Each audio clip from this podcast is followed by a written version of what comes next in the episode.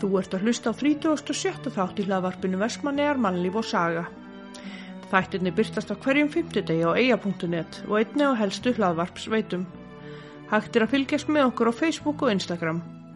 Í dag munum við ræða við Vilhjálm Ísfeld Vilhjálmsson um líf hans og störf. Villi, eins og hann er oftast kallaður, ræðir við okkur um fjölskylduna, listina, æskuna, minningarnar og gósinu, áhugamálin og margt fleira. Vilhjálmur er fættur 5. mars 1963. Í setni hluta þáttarins fáum við að heyra um komu fyrsta bílsins til Vestmanneia. Heimildir eru fengnar á heimasló.is. Þátturinn var tekin upp í Vestmannegjum. Sæll og blessaður uh, Vilhjálmur, hvað sér, Ísfeld Vilhjálmsson. Er það greitt að Jú, það er Hún árið. Þetta er rosa nafn. Þetta er svakanafn, Ha? þetta er svolítið lágt. Þetta er eiginlega, sko, þetta er ættanafn. Já, Þannig að ég var, eh, sko, ég tók þetta nafn að því að, eh, sko, dótti mín var svo eh, vildi verða Ísfeld já, og til þess að hún geti fengið Ísfeld nafni þá var ég að taka þér. já, Þannig að þau eru eiginlega, ég það eru allir, öll eh, fjölskylda að koma með Ísfeld nafnið. já. já. Ég er einmitt sko Klingenberg. Já, og hérna amma vill ekki taka það upp nei. þannig að við fáum, já, við þurfum bara að gera að millinafni Já, já. en já, þetta er gott nafn Mhm. -hmm.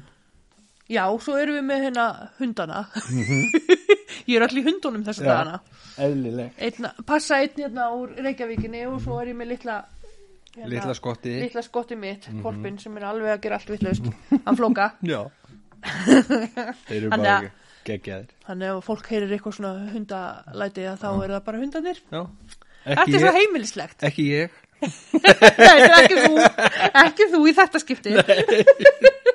en hver er villi?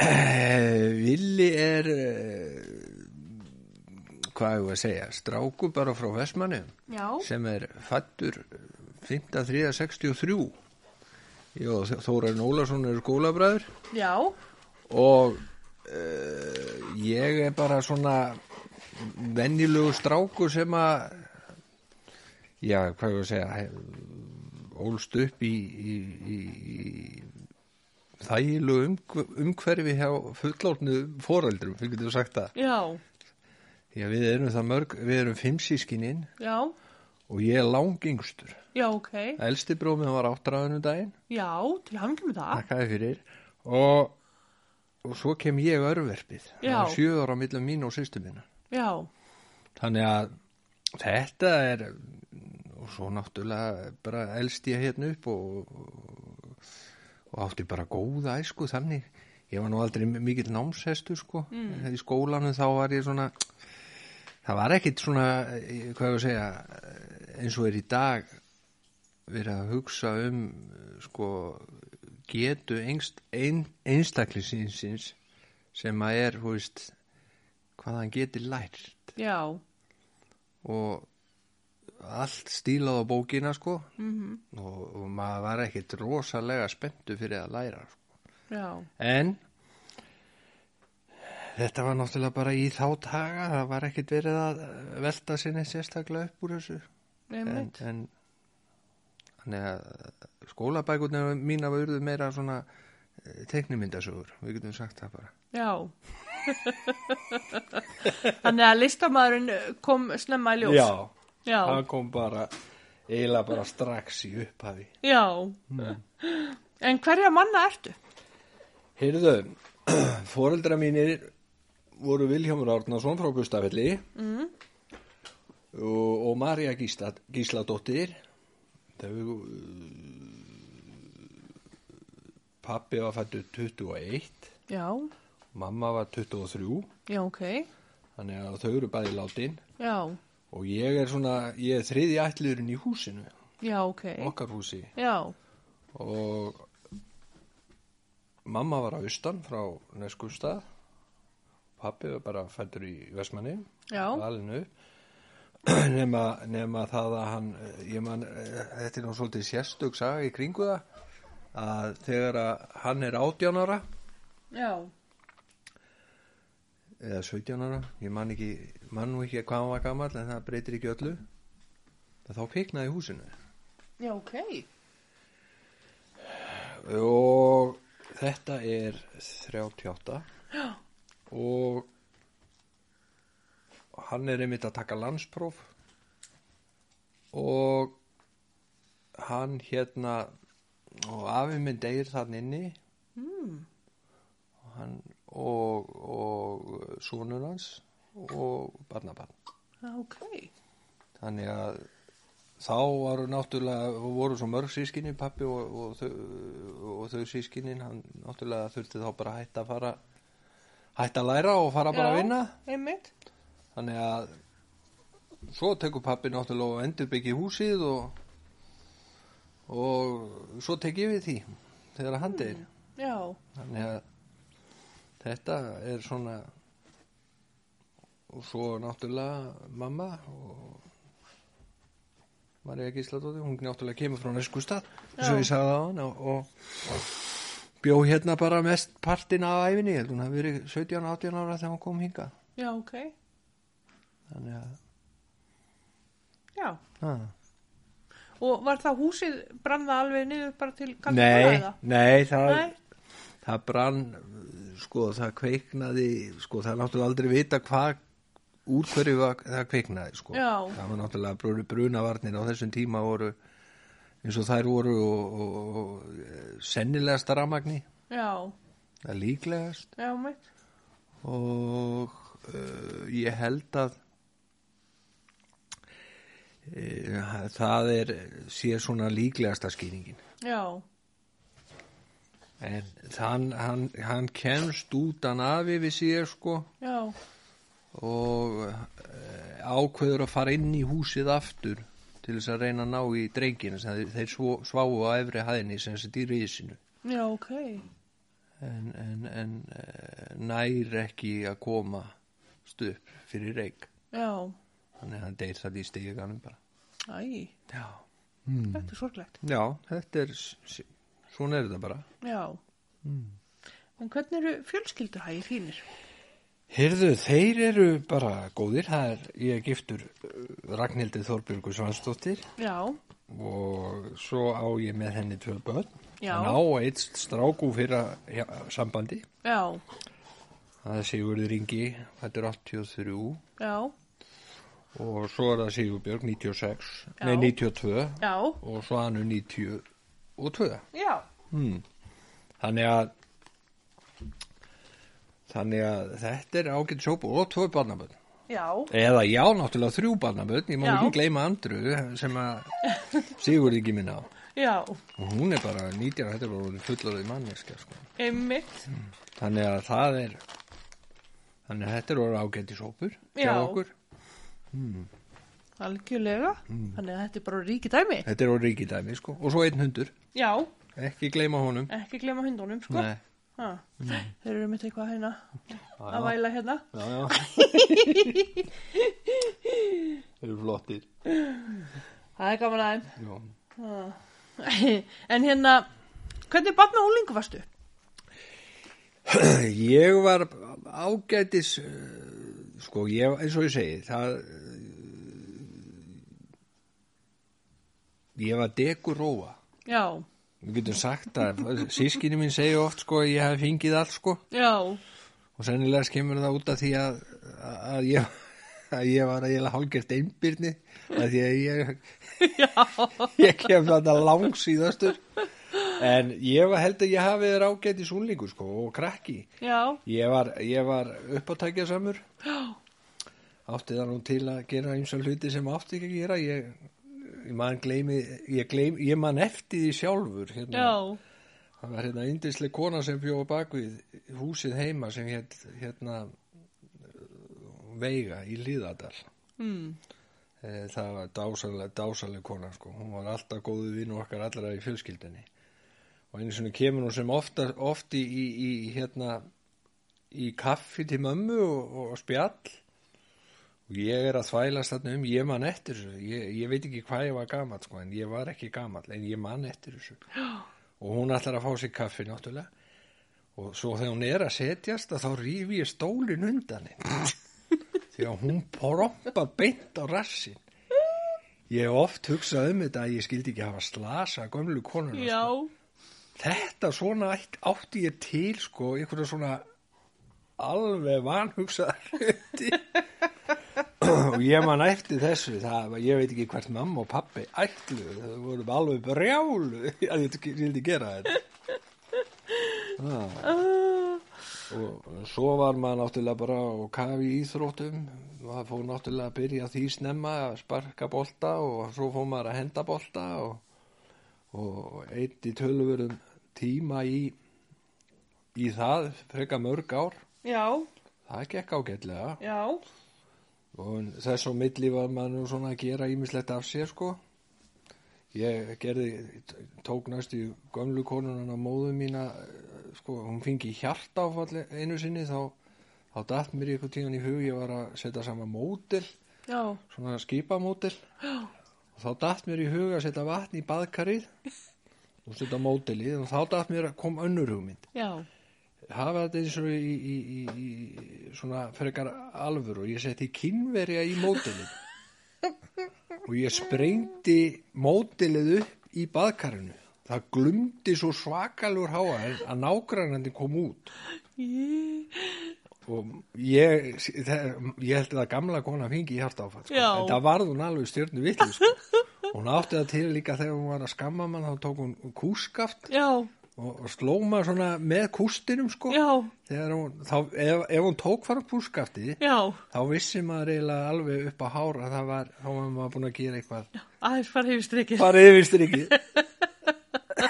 en þetta, þetta var svona ímsi svona vitleysum sem hann er datt í hug sko Já, en, en uh, ég held þetta hafi nú manni var fyrirgefið þetta allt, sko og var í lægi með bakari á eftir. heyrðu, það var í lægi með það en það var sótsvart og það þurfti náttúrulega að skrúmpa það allt hátt og látt Já, því að ég leti ekkit venjulega kínveri ég þurfti endilega að trófylla þetta já, já, sjálfsögðu, fá smá, fá smá effekt út úr Power. þessu. Þannig að þetta gekk á ýmsu. Ah. en, en eins og, eins og, og, og skólaári voru bara fín, þannig séð þetta 63 mótil eða þessi árgangur er fín og, mm. og upp að tækja samur. Við áttum marga skemmtilega tíma. Svo náttúrulega, eh, eins og ég segi, við eh, vorum nú stundur reknir út úr tímum sko fyrir slæma hegðun eða ykkur uppatæki, ég man eftir einu sinni þá datt okkur í huga að stapla öllum borðunum fyrir hurðina svo að kennarinn kemist ekki inn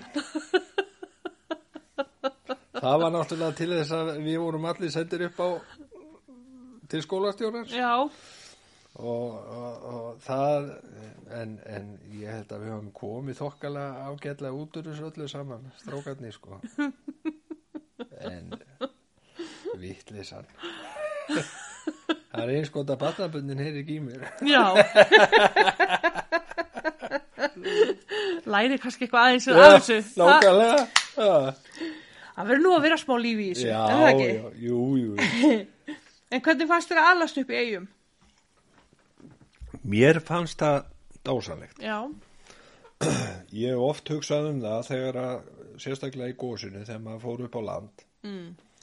og það er náttúrulega eh, Reykjavík, ég var í Reykjavík yfir gósið, þannig að þegar ég kom tilbaka, ég hef oft hugsað um það þegar ég kom tilbaka eh, til eiga það, það var rosalegu léttir já, því að hér er maður frjáls, hér getur maður gert allt maður var, var, maður var nýri í fjöru -hmm. maður var að hoppa í borð í bátana og, og, og, og svo fór maður að veiða og, mm. og ég man eftir, eftir slipnum maður var alltaf að þvælast nýri í slip já, og leika sér í fjörunni og, já, og þetta, þú veist, þú gerir þetta ekki í Reykjavík nei, og það var náttúrulega eins og maður er oft heyr sko fólk tala um hvað þetta er þægilegt að geta bara þú þarft ekki að ef að krakkarnir eru út að leika sér Mhm. þú þarft ekki að vera að pæla í þú, þetta þarft að pæla í þegar þú ert með krakki í reykja já, eða þú veist, Já, já. þú þarft að skuldlast einmitt, hér lappa maður bara allt já, þannig að uppbyldið og, og veran hér í eigum hefur verið æðisleg sko já, og uh, það er bara eins og ég segi að, að, að ég kalla það forréttindi já, að búa hérna einmitt þannig að, að ég held að og tala nú ekki um fólk sem að hefur sko, er, sem ætla sér að búa í eigum sem kemur hingað sko og ætla sér að búa mm. og fellur inn í umhverfið ég það er eins og bara kona mín hún kemur náttúrulega austan af eskifirði já, og, og hún eh, sko, hún kemur hérna 17 ára þegar við kynnust og hún fjall inn í eh, samfélagið og hún veit hvergi annars stað að vera já, af því að hún bara elskar eigarnar einmitt við svo við öll. Ah. já. Já. en hérna, hvernig var minningin þín með góðsnóttina?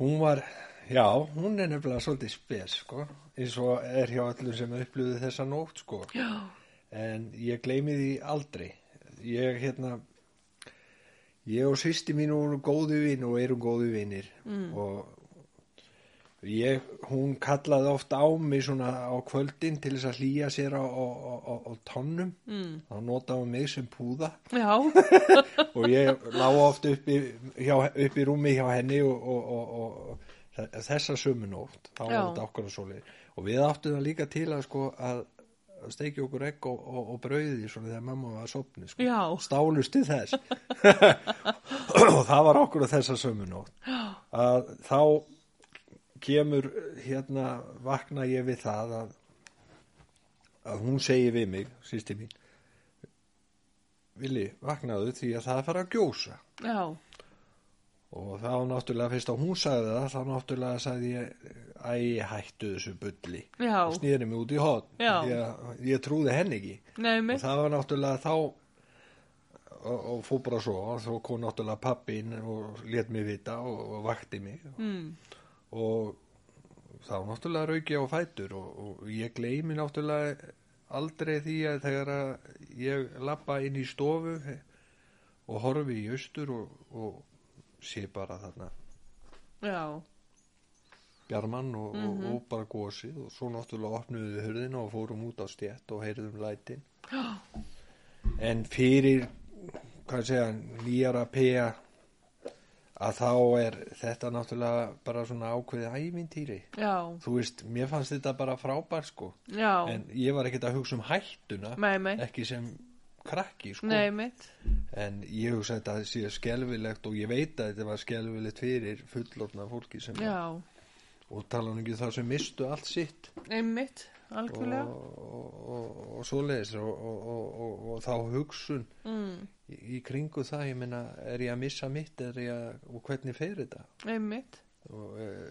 ferst eigan eða já, algjörlega, en þetta var svona svo, svo náttúrulega fórum við svo allir aðrir ég man nú eftir talandu það múta, múta átti það til að vera svolítið svona Uh, hvað að segja, mikið læti í hennu hún skvetta sko já, Hún sagði bara það sem hún hugsaði svo var hún alltaf að hugsa um alla aðra í kringum sinn nema sjálfa sig já, og þarna stóð hún á tröppunum bara í brjóstarhaldaranum já, ég gleymi því seint og, og, og hún ætlaði að rjúka á stað og, og fara og tala við tengdafóreldra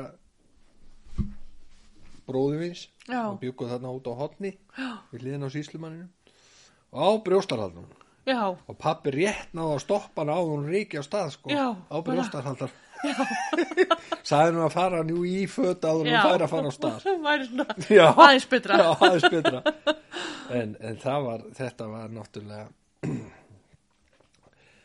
svo náttúrulega fóru við nýr á bryggju Já. og ég man eftir því alveg sko ég, sko, ég man á svona gloppur því að ég var náttúrulega svo sjóveikur já, við verðum náttúrulega það öll hann um borð og ég man alveg allt eftir því þegar sýsti minn kom niður í, niður í klefa til okkar já, að hún var í lópapissu og hún var þakin ösku já, ok, þegar að við vorum að sigla út úr já, höfninni já, að þá kemur öskufall grinnlega yfir bátinn og, Já. og, og ég man eftir að ég var þetta var svo stert í minningunni -hmm. Mhm.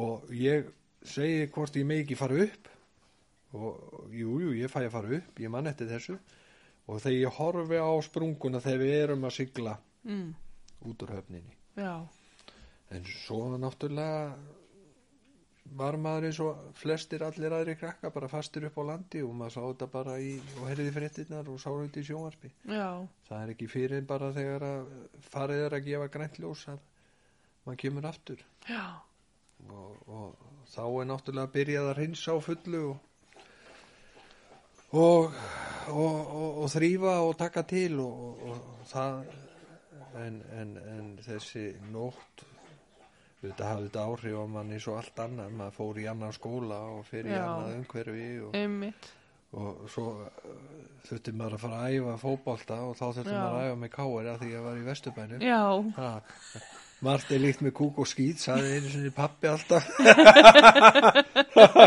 já, en ég, þeir tóku vel á móti mér og ég, Já. ég fór ekki dýll út úr því að- Nei. að æfa þar og það hjálpaði mér alveg helling já, maður var ekki alveg eins einn sko einmitt og svo var ég þarna í, í skóla í Vesturbænum í gamla stýrimannaskólanum í rétt fyrir ofan Sólvallagötu, ég man nú ekki hvað skólinn heitir Mm. það var mjög sérstakur skóli því að ég man alltaf eftir því að ég var svo hissað þegar að við vorum látið syngja þjóðsöngin á hverju meinast á mótni já, ok skólastjórnin kallaði alla saman og já, allir átni syngja þjóðsöngin hverju mótni já, mér fannst þetta mjög skrítið já en það er, ég var þarna í nokkra mánu já, þannig að þú kant þjóðsengin nei já ég get uh, sungið með en ég Já. get ekki farið með hann alveg reynd núna sko já, en þetta var mjög spes já, en maður var mjög fegin þegar við komum heim tilbaka Það var, já var það alltaf inn í myndinni að koma já, aftur heim það var aldrei já, ég heyrði aldrei annan að tala pappi var, fór, fór hérna sko náttúrulega hann fór í löðrugluna hérna í eigum Mm, já, var, var í löðruglunni og hérna og var að vinna hérna allan tíman Já. að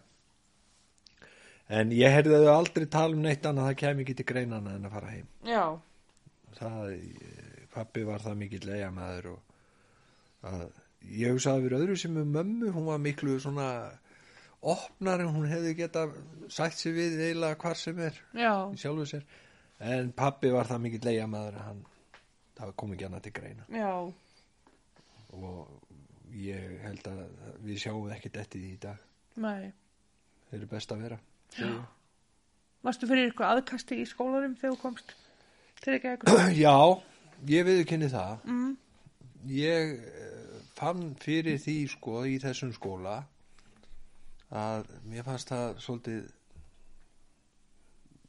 já, ég var svolítið hissa sko mm en ég eh, það var sem betur fer sko, það var rosalega gott eftirlit með, með okkur hérna í þessum skóla já, þannig að það var til grípi strax inn í sko það voru eh, nokkri svona gæða sem að vildu meina það að við værum afætur á, já, á samfélaginu já það er svolítið sérstakt sko. já, en, en ég fór ekkit það var eins og ég segi, það hann var mjög ákveðnis og, og strákur þessi skólastjóri mhm, og hann einhvern veginn hann bara tæklaði þetta strax og ég var aldrei varfið að nefna bara bara þetta eina skipti eina skipti sko. já, það, mér fannst það Já, það er mér fannst magnað. það svolítið flott sko. já, það var mjög ákveðin einmitt það tók það ekki í vellingatökum sko. nei, þá var bara tekið Já. á því sko. já, já, en þeir gerðu það aldrei eftir nei þannig að ég var mjög mjög ánæði með það hvernig það á þeim var, var- var tekið sko. já,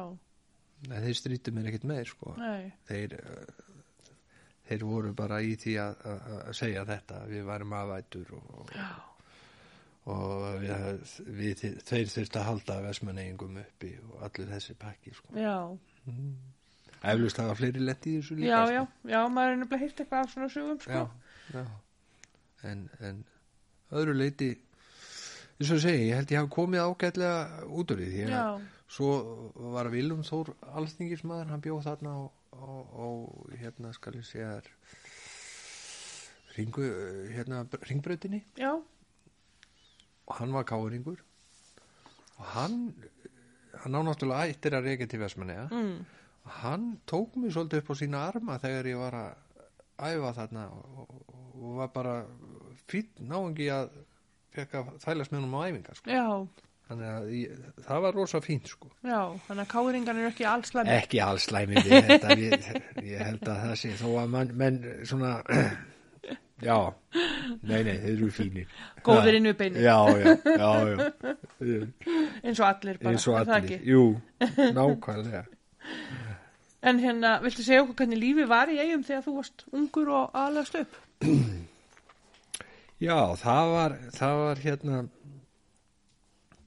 sko það var bara reynd útsagt ásanleg sko Já. fyrir, fyrir og eins og ég sagði á það er fyrir alla fyrir alla krakka í Vestmanni á þessum tíma var náttúrulega ekki sími ekki svona iPad eða, Mhm. Já. og neitt sem að trublaði mann maður var, þá var sjónvarp bara það var aldrei sjónvarp á 50 Einmitt. og ég sumari var ekki sjónvarp Já. held í því hvað átti maður að gera Já. þá að fara út að leika sko. Já. maður fór í fótbolta meðan fór í, í, í alla þessa útileiki Já. yfir og alla Já. þessa leiki og það var bara Vestmannabrautin þar sem við bjó- búum þar var bara leiksvæði Já. og maður var að leika sér og maður var að leika sér frá, langt fram á kvöld Já. þannig að það var, það var hérna maður var hundfúll á, á, á kvöldin að, að þurfa að fara inn Já. og eins og á sumrin Já. Þú veist, að bjart alveg fram eftir öllu og ég maður eftir því sko maður far, lagðist á kottan svo þreyttur eftir daginn sko Já. búin að leika sér allan daginn og það var eins og ég segja, svo þegar maður fer að vaksa upp þá fer maður náttúrulega að þvælast þetta nýra bryggjur og fylgjast með því og, og fara í fjörurnar og það var aldrei döðu tími sko. Nei. aldrei, Alltaf nóg að gera. alltaf nóg að gera Já. Þannig að þetta, uh, ég myndi segja að það voru forréttindi að fá að áður enni símanni komu sko. Já. Þetta tekur svo mikið tíma fa- frá manni og, og öll þessi tækni tekur svo mikið tíma frá manni. Einmitt. Nefn að maður sé bara nú skinsamur og Já, slökk á því. slökku á því. Algjörlega. Mm. Þannig að þetta var eh, bara indislegt upp, eh, alast upp og, og margi vini. Við vorum þarna í nágruninu allir félagarnir, Björgun Já. í útlíð og Guðni á Fórubrekku og, og, og ég á Bustafelli og þetta var svona ákveðin kjarni þarna Já. á þessu, á þessari torfu. Einmitt. Við leikum okkur þarna saman í Já. fótbolta á, á Fórubrekku lóðinni. Það var alveg, þótti alveg sjálfsagt Já. að sparka töðru þar sko. Einmitt. Þannig að og svo var náttúrulega bara farið og, og, og svo þegar maður fyrir að eldast þá fór maður náttúrulega bara á böllin og skemmta sér eins og allir Já. aðrir og, og þ- það er, ég held að eins og ég segi það fólk átt að sé ekki á því fyrir en það fyrir að býr í Vestmanniðum hvað þetta eru mikið forrættin Mm. að búa hérna Já. og alast upp í Vestmanniðum Já. fyrir börn, ég hef oft pælt í því, ég hugsa að maður væri til dæmis ekkit eins duglugur eins og með barnabörnin en maður byggir ekki Nei. það var lengra að fara og, og þetta er, eh, það má aldrei einn vera eina, eina en einu, það er svo mikið að gera Já, mitt. Hmm. Allir að halda ykkur, ykkur sketsjóli og já, já áætlun, hvað sem var, já, áætlunum. já, það er nákvæmlega Mm. En hérna, finnst þú að hafa grætt eitthvað á því að hafa alls upp í heim? já, ég myndi nú segja það þetta er náttúrulega sko það sem að maður hefur náttúrulega grætt á því er, er, er, er þessi fegurð og þessi, þessi kyrð og þetta, þetta mannlíf Já, þetta er alveg einstakt mannlíf já, og, og við eigum sko eigum svo fullt af skemmtilegum karakterum já, í samfélaginu Einmitt. allir jafn sérstakir og já, dásanlegir sko þannig að og bara eh, yfirleitt við erum þannig sko að, að þó við séum ekki alltaf sammála sko og þú hittir kannski ef maður er að hittir eitthvað gallnir í búð og, og svona og fer að tala við hana Þe- þetta gerur þú ekki í- í neinu nema svona litlu skemmtilegu samfélagi já, þú gerir þetta ekki í Reykjavík nei, mitt, nema bara þá sem þú þekkir já, en hér þeir tala oft um það sko kallarnir sem koma sölumenn og svona sem er að koma nýr í bú til okkar já, þeir eru mér tala um það sko hvað við erum opnir og, og eða vestmanningar eru svona opnir og, og skemmtilegir og, og, og á þess að þú veist, skammast okkur fyrir því að vera bara við erum bara eins og við erum Já, það er bara þannig einmitt. þannig að ég finnst og, og ég held að það sé ákveði fórhendinni líka Já. sko Já, þannig að þetta er bara ég myndi hvergi annars að vilja vera sko það er Nei. ekki flóki sko það, þannig að það er aldrei hvarlað að vera að flytja. nei ég fór í sex mánuði Já. að vinna e, á söðunesin Já, og það var ágættis reynsla já, en mikið var í fegið þegar ég kom heim aftur já, þannig að það var alveg það er ekki, nei nei það hefur aldrei okkur og aldrei dottið að huga að fara hérna konan er í góðri vinnu og ég er í góðri vinnu við- og við erum bara mjög ánað hérna þannig að það er ekkit ekkit í- á, á döfunni sko nei, og börnin vilja helst ekki vera nýstar annars þar mm.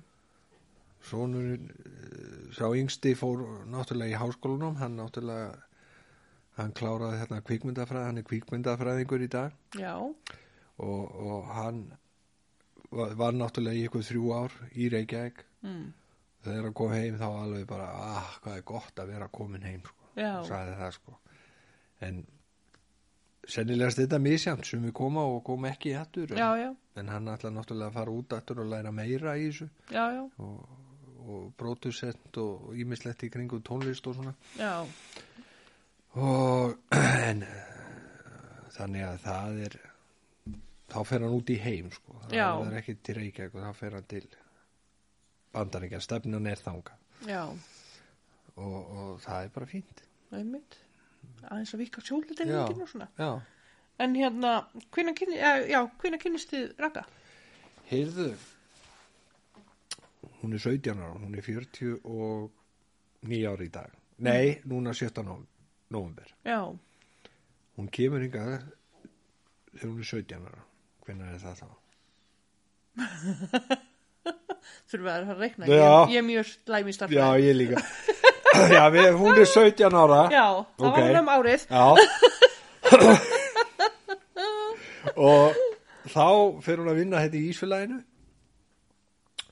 og ég hérna var að vinna inn í vinslustöð og ég og var að vinna með Sveini Vóge og fleirum í vinslustöðinni Já, hérna grínista og einmitt. uppstandara Þannig að það hefur verið gaman. það var mjög mikið stuð og hann segir við mig einn daginn eigum við að koma í bíó Mm.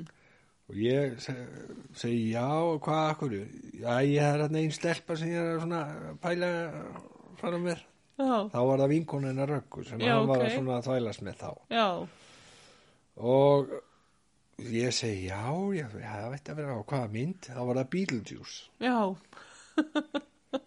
og ég fer og við, lét, við, við náttúrulega bara við migum á okkur og hlátri yfir myndinni sem að Einmitt. þær botnuðu ekkert í og það var svona fyrstu okkar kynni okkar röggu já, og síðan náttúrulega bara þróaðist þetta og við hittumst á balli og, og, og svo var bara ekki aftur snúið já, síðan hefur við búin að vera saman síðan að hún var 17 ára já, og þetta er bara dásundar líf já, Hmm. eða ekki. Jú.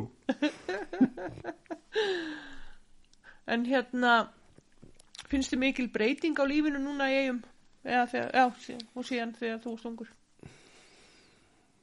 Já, já, auðvitað, eins og ég segi, það hefur, það er náttúrulega, eins og ég segi, áðan, tæknin er náttúrulega alveg svakar. Við erum svolítið upptökin í henni, sko. Já, Ég hef oft sagt það, sko, að, að við, erum, við vinnum mikið, já, það er, það er eitt, svo komum við heim og erum þreytt og það er farið og sest og hort á sjónvarpið, ansi mikið mhm, og eh, það er kannski ástæðan fyrir því að, að það er ekki svona að þú sér ekki mikið á krökkum út á leik, leika sér sko mhm, á kvöldin sko þetta, þetta er náttúrulega þessi breyting þetta er náttúrulega bara tæknir breytir þessu já, en eh, ég hef verið sér að þurft að taka mig á sko ég fer til dæmis undanfari ár þegar ég fór að tekna þessu húsamyndir mhm, þá náttúrulega tó, þurfti ég að taka mig á alltaf ég að eyða bara deginum eða no- kvöldinu bara í það að, að horfa á sjónvarpið já, eða fara að gera eitthvað já, og, og, og ég fæ mest bara út úr því að sitja við tekniborðið og já, krasa og ég finnst ég fá miklu, miklu meir út úr mm, að gera eitthvað einmitt, en, en svo, svo er bara mjög sjátt fólk, hvernig fólk vil hafa það já, en auðvitað hefur þetta breysta því að tæknin hefur einmitt, komið meira og fólk eh, og svo er náttúrulega svo að segja, fólk vinnur mikið já, ég held að það hafi alltaf fyllt versmanningum að vinna mikið einmitt, þeir hafa ekki dyrra að gefa eftir nei, og þurfa, að vi- hafa þurft að vinna mikið já, já, maður hefur séð það bara í gegnum lestur á bókum og, og, Já. og, og hlusta og, og, og bæðið ykkur og, og, og, og aðra einmitt, hvernig þetta var já, mm. einmitt. En finnst þér hérna, hvernig upplifur þú samfélagið hérna? ég upplifið það bara skemmtilegt samfélag Mm, ég eins og ég sagði við, við erum öll afskaplega sérstök við erum alveg e, e, e, sko við erum öll en við erum orðsal, eins og við segjum við erum svo opin já, og við erum við bara tölum yfirleitt bara tæpu tungulaust sko. já, þannig að uh, samfélagið er fínt og, og auðvitað á það að vera bara þannig að menn tali bara frá hjartanu og segi sína skoðun Mhm. þá ekkert að vera neitt annað og, og, en við getum látið heyri í okkur og allan, allan þann pakka en samfélagið, þetta er mjög gott samfélag, það er eiginlega sko eins og ég segi það er þetta er bara dásunda fólk upp til hópa mm, og ég hef ekkert annað en bara ég hef ekki trú á öðru en að við, við séum bara við stöndum á okkar já, við berjumst fyrir okkar, við höfum þurft að gera það einmitt, ég hef oft hugsað um það sko, mamma kom með múttagamla kom einu sinni með þá pælingu við erum svolítið við erum svolítið frek mm, ég held að það sé tó- svolítið til í því já, við séum svolítið frek sko það ke- komi út af því ég held að þetta sé rétt hjá hann hún sagði mig þetta eins og ég hef oft hugsað um það mm,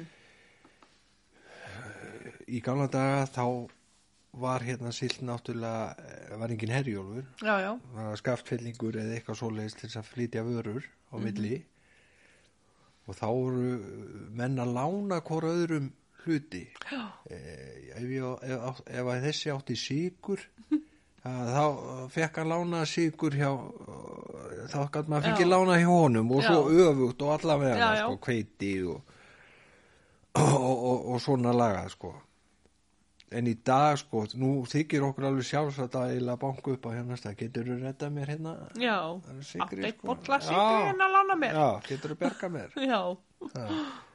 ég held þetta sé svolítið svona þetta komi svolítið út frá þessu sko. já, við erum bara svolítið fylgin okkur einmitt, við höfum svolítið áfram sko. já, en það er líka bara fínt, já, það er ekkit að því bara rettum við hlutunum, lærtum hlutunum, við erum ekkit að þessu vissin ekkit að þessu keftaði, einmitt, björgum okkur algjörlega.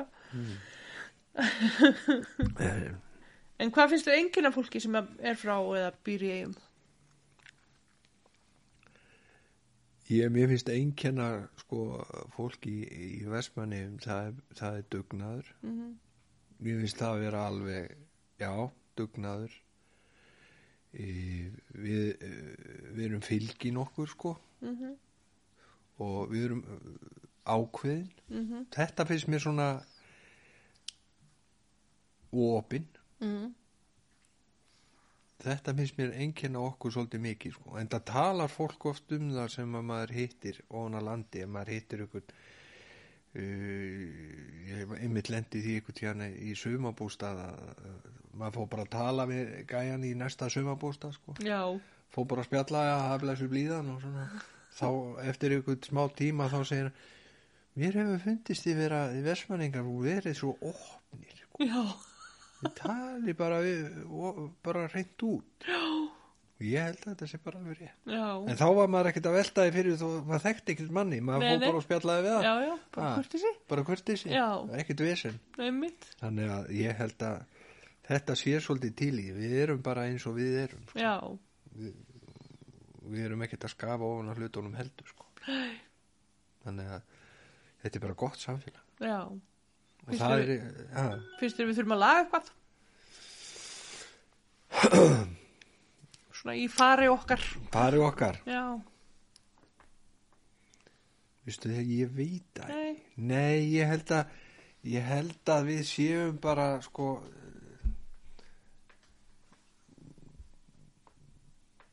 Nei, ég held að við séum bara fínir svo við erum við, við erum frek en er það bara líka ekki allt í lagi já, já, er, er bara þú gefst heldur ekkit áfram nema að þú sér svolítið frekur sko, einmitt og fylgið þig sko Já, Það- þú eru bara að hugsa það líka þannig já, já, Jú, jú, ég held að ég held að við séum bara fín ég held að það sé ekkit að þessu samfélagi sko. já. það er ekki við þurfum ekkit að laga neitt ég held Bara ekki perfekt eins og við já, já, við erum bara fín já, erum. Algjörlega já. Úps, en hvað er hérna Já, já, flókir hérna ráðast að tafna mér Það er svona að vera lítið korpur já. En hvað hérna finnst þér Já, hvaðan kemur hugmyndi með húsin? já húsin Já, já, þetta er þetta, þetta er nefnilega þetta er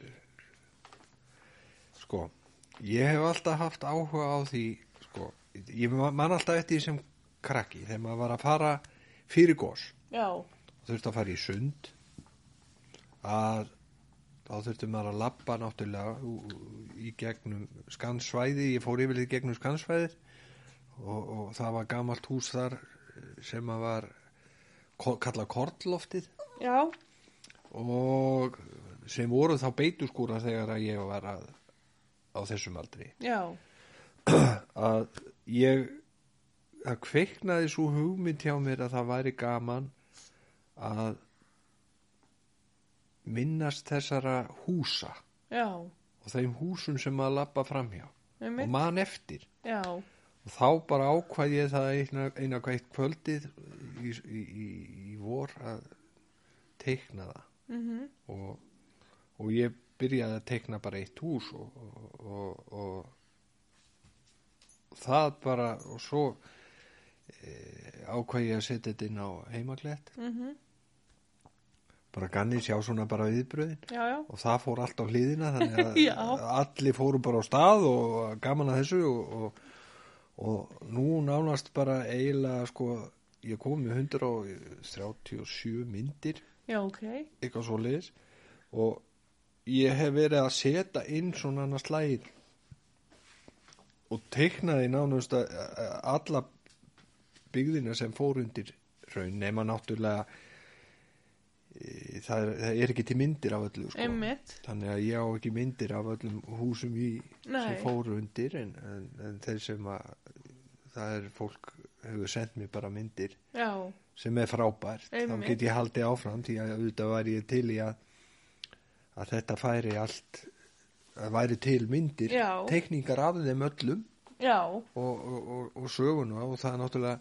því að það er heilmikil saga á bakvið húsin Algjörlega, þar eru einstaklingar á bakvið húsin sem að voru sérstaki já, já voru spes eins og við og, og, og, og, og, og þetta því við megum ekki gleyma þessu Nei, Mér finnst þetta það er það sem að hva, svona hvetum mig áfram að, að við höldum sögunni og menningunni og, og, og, og húsunum því að mörg þessara húsa sem fór undir voru s- bara stór glæsileg hús já, stórkostlega Algjörlega. hús og, og það er líka það sem ég hef verið að gera að ég er einmitt er hrifin af þessum byggingastíla á mörgum húsunum já, voru bara st- frágangur og, og, og, og, og hérna byggingastílinn svo bara glæsilegu sko. einmitt og, og við megum bara ekkert gleyma þessu og þetta, það sem að hvetum við áfram það er að reyna að að teikna sem flest hús þannig að við bara eigum þá og eigum við þetta bara þegar ég rekku upp við á eitthvað tíma Já. sem að verður að þá er þetta bara til Já, Og það, ef að menn vilja halda þessu til haga einmitt þannig að ég ætla bara að halda áfram að teikna sem flest hús Já, og það eru fullt af glæsilegum húsum hér í bænum líka einmitt og, og við, ég held bara áfram það meðan að ég hef gaman að Já, teikna sem flest hús og ertu þá að tekna eftir myndum eða, Já, sko, eða eftir minni nei, ég reyni það er sko, ég vil helst teikna húsin Mhm. eins og þau voru já, og eru. einmitt Ef að húsin, ef að ég á ekki sko nógu góða mynd eða ég finn ekki nógu góða mynd af húsi mm Mhm.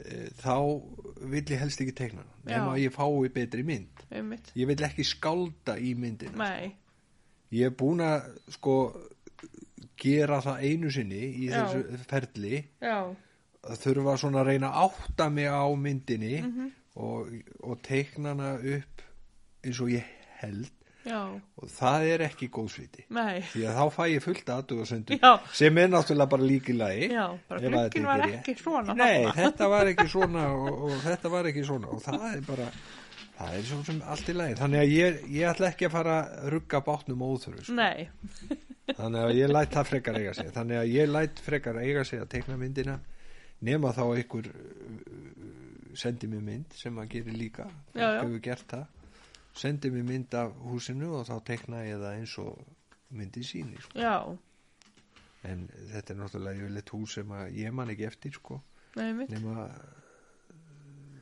uh, og þ- það var ein, ég held að það hafi verið ein mynd sem er af elsta, hú- var elsta mynd sem ég hef séð af húsi, ég var sveinstaðir já, Ég held að það hafi verið 1800 já, ok eða voru það dönskúsin, ég manna ekki Já. hann hvort sveinstæðir eða eða dönskúsin út á skansi já, sem að eru svona elstu já, teikningarnar Já. af elstu húsum já en, en ég er svona það er rosalega margar flottar ljósmyndir af þessum gamla tíma til Mhm. sem að mér langar svolítið að reyna að koma líka í á penna já, sem er bara gaman sko einmitt að séu til fleiri útgáður heldur en bara ljósmyndir já, algjörlega, því að fólk vil líka hafa þetta í stofunni þarna ólst ég upp já, sem að skilur þetta er Mm. svo marga minningar hjá hverjum og einum algjörlega af sínu uppeldi og, og, einmitt, og, og svo eins og ég sagði að, að, að það voru fullt af skemmtilegum karakterum í Já. kringum húsin sko. mm, og það ég man alltaf eftir Lóbergi hérna nefn á Vestmannabraut það var hús sem ég teknaði og það var dásalgu kall Guðjón hétan fullor, það var náttúrulega fullorðið þegar ég man eftir honum já, svo þegar að hann þegar að hann eh, fer upp á, upp á hérna spítala og hann er fullorðið maður hann var mjög, mjög glettinn svona og skemmtilegu kall sko já og, og, og stríðin og svo er hann komin upp á spítalar og orðin, orðin þreyttur fullónið maður ný, kringum nýrætt sko, eða- og orðin nýræður held ég og þá kemur hjúkan til hans og segir við hann hérna Gauði minn eigum við ekki að fara á klósitið já, jú, jú, við getum gert það svo lappar hann með henni fram já, og svo stoppar hann við klóstið og segir ég býð bara hérna á meðan elskan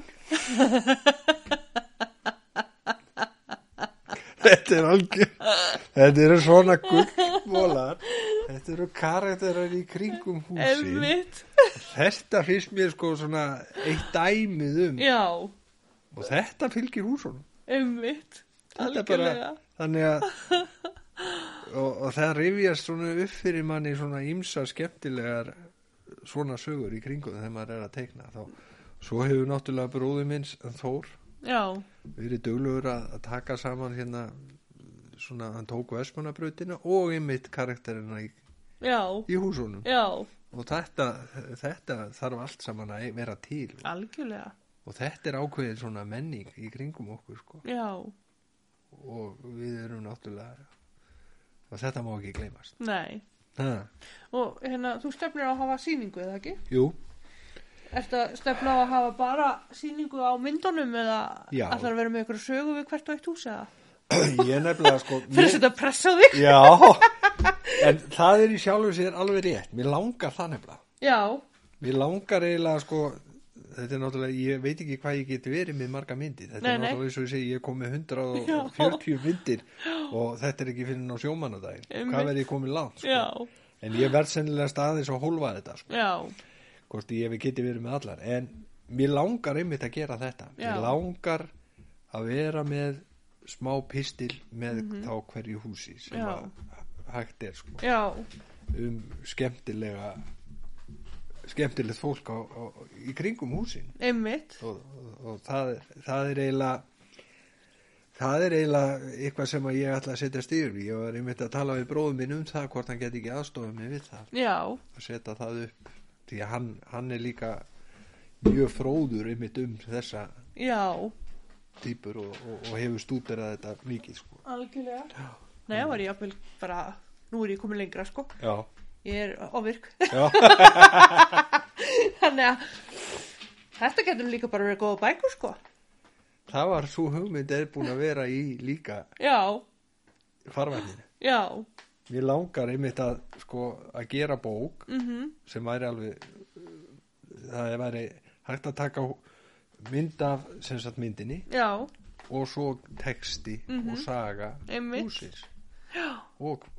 saga fórsins. já, sem að er náttúrulega það er, þetta kom upp í mitt uh, Ragga var einmitt búin að segja þetta við mig að, já, að, að taka þetta að eh, skrifa bókina og setja upp svoleiðis já, og það er alveg ég er ennþá opinn fyrir því sko. ég er meira þess að búin að tala við Gila Hjarta til þess að já, hjálpa mig við að upp á prentun og já, ég mun kaupa eintak, Já. alveg hygglaust. Þakka þér fyrir Já þannig að þú eru bara að skella þessu framkvæmt, Já, já, ég, já, já, ég er ákveðin í því, sko. Mm. Það verður gert. Nei, menn, þetta er mjög skemmtilegt framtak Mhm. og bara takk fyrir, Já, takk sem leiðis. ha, en nú fer ég í allt annað, Mhm. hvað hérna, hvena byrjar þú að vinna og hvar, Já, ég byrjaði, sko, ég byrjaði, hvað, 14 ára. Þá fór ég að vinna hjá, á, hérna, hjá ramasveitunum, já, að móka skurði. já, Eh, Þá er ég 14 ára. Og þar var ég, sko, ég hef verið orðin 17 ára, þá fer ég hérna inn í vinslustöð. mm, Eins og svona flesti krakkar Já. fóru í fiskinn einmitt, og var á tækjónum þar hjá, eins og í, í nokkur ár. Svo fer ég að vinna í kringu smíðar. Uh, du, du, du, du. Nei, fór, í- fór á neta, í netagerð. já, Var í netagerði í, held ég, tvö ár, þrjú ár, fer þaðan í smíðar. mm, Fór að vinna hjá Stein Óla, já, var þar í nokkur ár, svo fer ég yfir í Drang, Kristjáni Egil og, og hérna, ja, Drangi HF, mhm, Eggersinni. Var þar í, í nokkur ár. Síðan fer ég hérna að vinna fer ég að vinna skal ég þið segja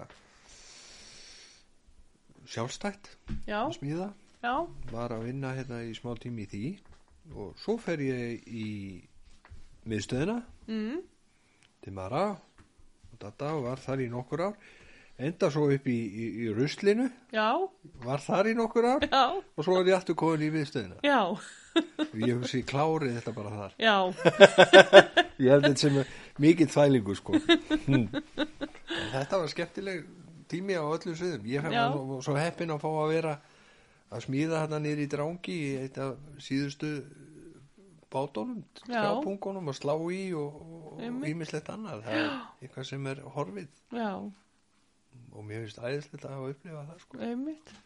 Já, Þannig við að- finnum þetta svo sorglegt hvað er mikið svona af þessu gamla bara Gamla. horfið. já, Svo það- Skipurinn, já. gamli og Já. allt þetta. já kannski er það eitt sem að, jú, sem að mér finnst við ættum að aðeins að staldra við þú mm. spurðum mig að hvort við værum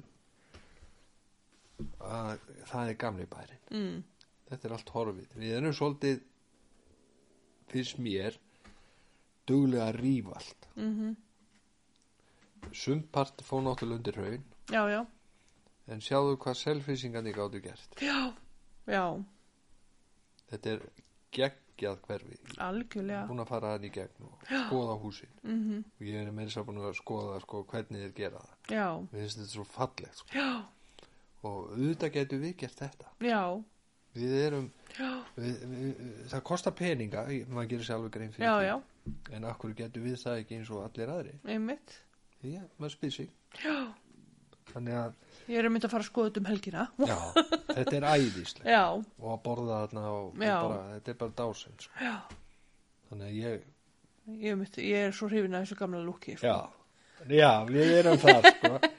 en kannski sumir segja að við sem gamla sálir já, kannski, er ekki allt í lagi, akkur ekki ég segi það já. hmm. ég er mjög sáttu við það sko. já, en það verður að halda við verðum að halda gamla sko. já, ekki, ekki rífa allt sem gamalt er einmitt frekar að reyna að Endurbyggja það og laga. endurbyggja og laga Einmitt. þeir, þeir gera þetta fyrir nor- norðan og austan já, uh, sigtfyrringar, einmitt húsvíkingar já, uh, meiri sað sko eh, á æski fyrir það sem að frúum mín kemur mm, þar eru gömulhús ég þaldist þar mikið og meðan við vorum að byrja saman já, þar eru fullt af fallegum gömlum húsum sem Einmitt. er eldri mörg húsin í Vörsmanni einmitt og svo fyrir norðan líka já, já, og Ísafirði og Ísafyrði, mm þar er svona einmitt svona lítill bæjar kjarni Já. með gömlum húsum já, við þyrftum eiginlega að hugsa svolítið um þetta já, gera á svona kjarna, gera þetta aðlagandi þannig að- að gamli stíli fá að njóta sín. mhm En svo náttúrulega hef ég ekki vitað hvar við um að setja það. Nei, nei. En það er aðrir í, því- eiga að vera aðrir í því. Já, rífa bara nýju byggingarnar Já, og og bara setja byggja gömlunar í nýtt. stíl. Já, Það er nýbúin að tala um að við sem Já. ofgluðar. já, Já, það er... Æ, það er sem, já, ég býr náttúrulega í 100 ára gömlu húsi sko, Já. þannig að- Já. þannig að maður verður að halda í gamla stílinn. já, það sjálfsög. En þetta er líka rosalega flott, sko. Já. Virkar alveg. Og rauði liturinn. og Já, allt. já, Smart. Þetta er rosa smart. Þegar ég er svo hrifin að þessu, sko. já. En- Nei, og líka eins og þegar við gerðum það upp að innan, sko, Já. þá, ég gæti ekki hugsað mér að hafa eitthvað nýtískulegt að innan. Þannig En að þetta það er er, gamalt bara, hús. það er bara klætt með, með hérna kúlupanel eins og það var í Já. upphafi, sko. Dásalegt. Og ilmar vel. Já, Ilmar vel og það er margir sem segja, þetta er eins og að koma í sumabústað, En það er bara flott. af því hann er ómálaður. Já, það er bara hreitt dásamlega. Ég segi ekki þetta því, sko. Þannig, já, Hmm. mm. svona, já, við erum greiðlega gamla sálir, Vili. Ég held Ha? það, ég held það.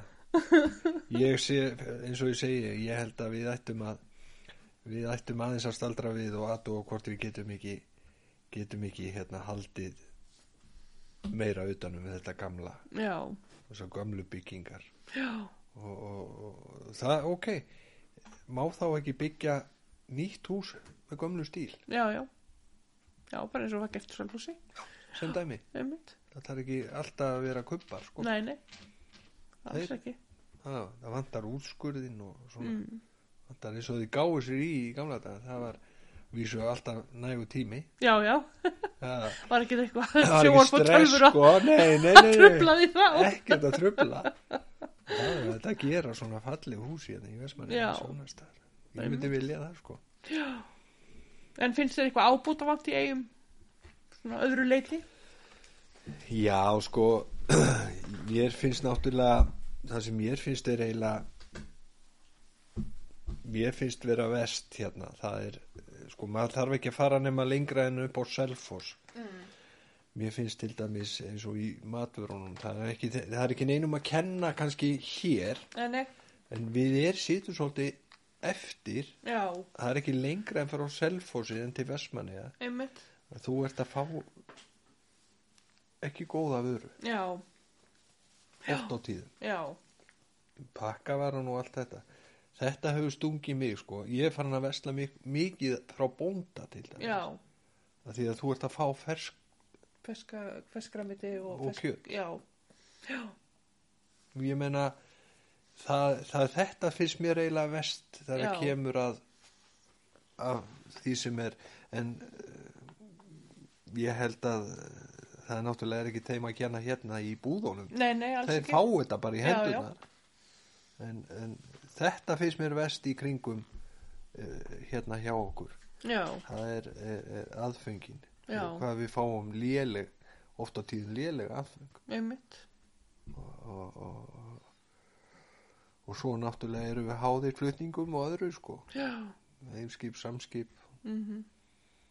en, en að öðru leiti þá og þetta er mjög gott já, eins og ég segi, ég vesla mikið af bónda bara ef að ég vil fá eitthvað betra þá bara geri ég það já, mitt það er ekki flókið já, getur flækja hlutina Nei, nei bara finnum að leið rættum þessu það er bara þannig það er bara svoleiðis já en erstu með ykkur hugmynd til þess að ebla samfélagið í Vestmannaugum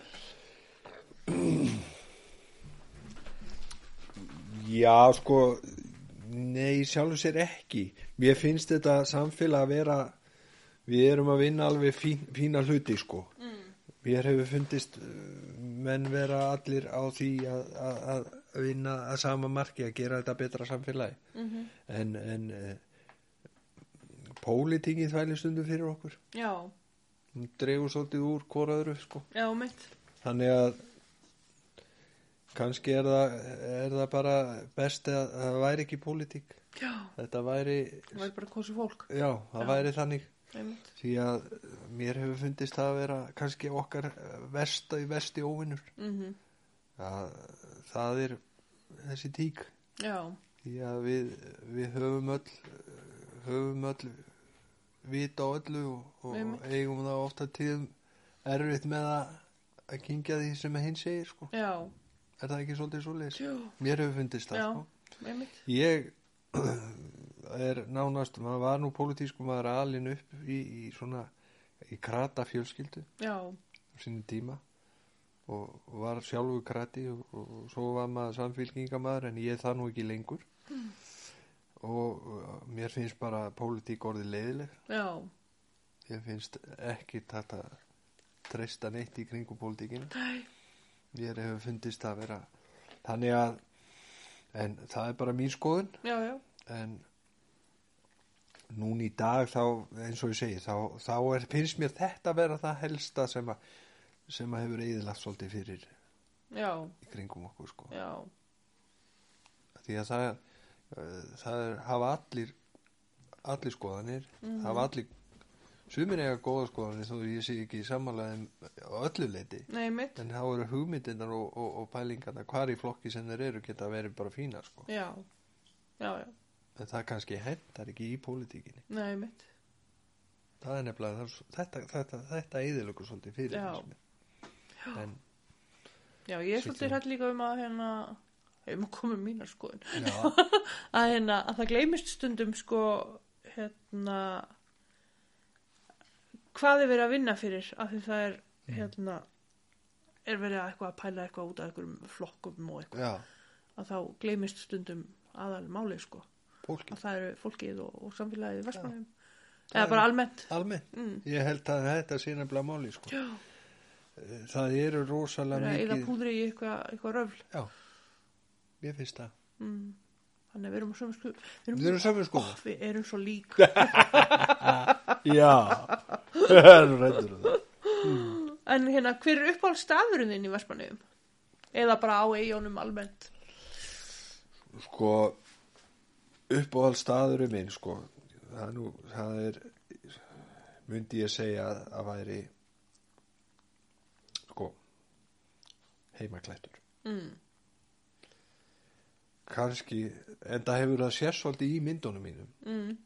að hann er ansi oft þar, ég er eiginlega fann að kunna hann utan að Já, þegar ég er að teikna hann ég get teiknað hann sko á þess að vera Já. með mynda á hann sko. já, og þetta, er- þetta er náttúrulega alveg einstakt fjall sko. já, já, og lita dýrðin í honum eftir veðri og, og, og, og sól og allt sko mm að ég held að kletturinn sé svona upp á staðinu fara hann upp, sita og horfa yfir og bara sjá allar þessar náttúrufegurð allar eiginar já, ég held að heimaklettur sé upp á aldi mitt já, og allt sem þar í kring er já, það held ég maður fór náttúrulega upp í, út í löngu og svona sem krakki sem dæmi Einmitt. og rýri yfir já, stala árabat já, með hinnum peyjónum sko einmitt, þannig að og alltaf beint í klettin sko Eh, já, þannig að ég myndi segja að það væri svona uppáhaldstaður minn í Vestmannheim það sé kletturinn já, og fallegastur Já. Ertu búin að vera lengi að mála og, og teikna á? Já, ég er nú búin að vera ég er búin að náttúrulega eins og ég segi þá voru skólabækurnar yfirleitt útkrasar mm -hmm. svo fer ég að mála ykkur tíman ætli að sé ekki mm, 83 4, 84 5 Mm. þá teikna ég mynd svona bara upp úr þörru Já. og og það, jú, 83 fjögur held ég að sé svona byrjunin Já. á þessu en svo tek ég með sko, svo gerði ég nok var ég með nokkra sýningar og held þessu áfram alveg svo tek ég hann 15 ára hlýja Já, ok. ákvað það bara e, það var bara e, mikið að gera í öllu öðru Mhm. það voru börn og Já. bara, veist, bara eins og gengur og gerir Já, já. maður gaf sér bara ekki tíma Emmitt. bara kannski kjæftaði Já. eins og margt eins Já, og ég já. sagði á það sko, maður Já, þarf já. bara að skipulega tíma sín Já, já. hvað maður ætlar að gera og þá held ég síningu hérna eins og ég segi á góslugonu aftur í, í fyrra var geggjað og það var eftir 15 ára hlýja Já. þannig að ég er eiginlega búin að vera síðan svona 83 Já. a, a, svona stöðugt að Já. gera eitthvað sko. þannig að og þetta þetta er mitt sko hvað ég segja bara já bæði hobby og, og, og bara kvíld Já. ég kvílist rosalega þetta er svo gó- gefur manni þetta þu- bara þurkar allt stress út á meðan maður er að þessu Já. og eins og ég hef oft sagt sko að, að, að þegar að fólk eldist vera, verða fullorðið Mhm. þá stendur það stundum frammi fyrir því hvað á ég að fara að gera þegar ég hætti að vinna Já, já. það er spissi þessara spurninga sko. og það er mjög eðlilegt Mm. hvað á maður að fara að gera þegar maður hættir að vinna Já. þá hefur maður e, e, í mínu tilfelli þennan möguleik Já. að geta að fara að sinna þessu bara alveg Emmitt. og geta bara að sitja við þetta eða, eh, eða staðið við þetta Já. og sýnt bara áhugamálinu að fullu mm. fullt af fólki getur þetta ekki Hefur- ég man eftir að ég glými aldrei að pappi minn sagði mi- einmitt við mig þegar að, að ég sagði við hann að hann ætti nú að fara að hætta að vinna og hann var að fara að hætta að vinna hann var Já. að vera fullorðin að hann var að vandraðast með þetta og þess að vanga veldu hvað hann ætti að fara að gera sko. Já. og hann er ábyggilega ekki deyndu það Nei, nei, alls ekki. fullt af fólki Já, já. þannig að uh, við, maður hefur þá þennan möguleik Já. að geta notið þess að vera bara að sinna áhagamálun Einmitt. Og ertu fastur í einhverjum stíl eða ertu bara í öllu? sko ég er rosalega frjáls Mm. mér finnst alltaf gaman að pröfu eitthvað nýtt Já, og ég hef, gerði það síðustu síningu þetta voru uh, það uh, kringum 42 myndir held ég að hafa verið talan á síningunni já, og ég var með allan stíl já, ok. ég var með abstrakt ég var með uh, sko eh, landslag og, Mm. og tekningar og, Já, og, og pröfaði mig áfram sko og mér finnst það rosa gaman já, því að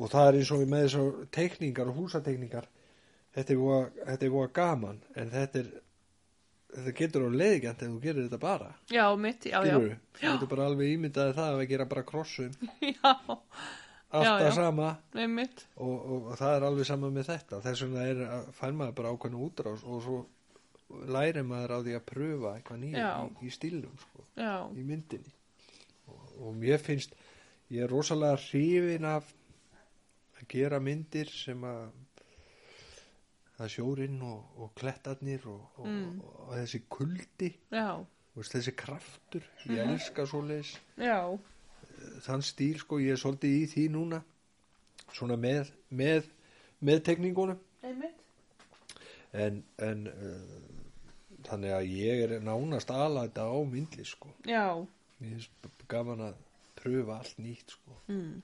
og er alltaf að detti ykkur, ykkur villisa í hug sko, já, sem er bara frábær sko. já, já, bara að pröfa algjörlega, og, og sumir eru hrifnir að og aðrir ekki og svo er það, það er líka bara smekksatri já, já, sem er líka fín einmitt.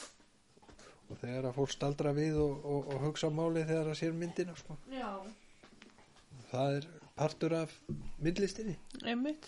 Og ertu að vinna með, þú veist, hérna, akríl eða olíu eða bara allt?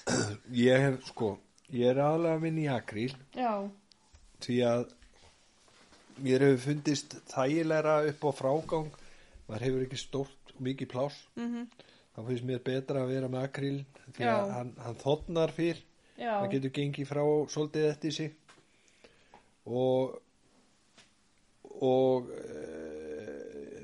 sko það er eiginlega já, aðalega hef ég verið með hann þegar ég er að gera svona mál, mála, málaða myndi sko já, en ég hef gert líka ólíuna en, en mér finnst hún taka svolítið mikið plás já, en kannski lagast það eitthvað tíðan En ég stefna því að breyta því að laga það upp á það að gera með plásið að gera sko einmitt, Þannig að- að það er og vastlítir já. Og ertu bara heima? já já, ég er bara heima Bara við aldrei sporðið það? nei, ég er nú, ég er nú niður í kjallara með trönur og, og allt saman Já, þannig að nú er ég eiginlega að býða eftir að svonurum fari að ég framhalsnámi þá geti ég tekið heilt herbyggju undir já, þá get ég gert hvað sem er sko. það, getur Það er útbúið það. smá vinnustofu. já, nákvæmlega það, en svo er ég náttúrulega að fara að vinna í, í kringum húsi hjá mér að, að, að breyta, breyta hérna, bílskotnum í í, í, í, í kvítlögstofu nei, kvítvístofu fyrir Já. konuna Já, ég kallaði það sko kvítvístofa já, og þar ætla ég að gera mér smá aðstöðu líka sko. já, verið út í hodni. verið út í hátni ég verið svona í róla heitunum þar Já. Og meðan að rakka greið með hvítur Mm. Við hefum glassi bara kritisk á. glasið Já, elskan mín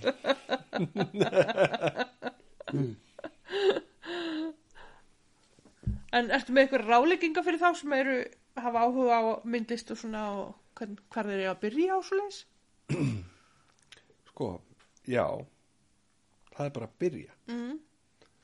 Besta ráðið segi ég Vera með teikniblokkina og byrja að teikna Já, Það, það þarf sko það, Þetta er ekki flóki sko nei, Þetta eru hæfileikandi misjafnir og allt það mm En að byrja Það er nú er hægt að googla allt já, já, Og ef þú hefur áhuga á myndlist og svona Þá getur þú googlað já, Hvernig þú átt að gera hlutina mm það eru fullt af myndböndum og já, bókur og allt svo svona. Bob Ross er Já. náttúrulega alltaf verið síkildur með fallega hári sitt Einmitt, hann er með það allavega með hár heldur en ég hef.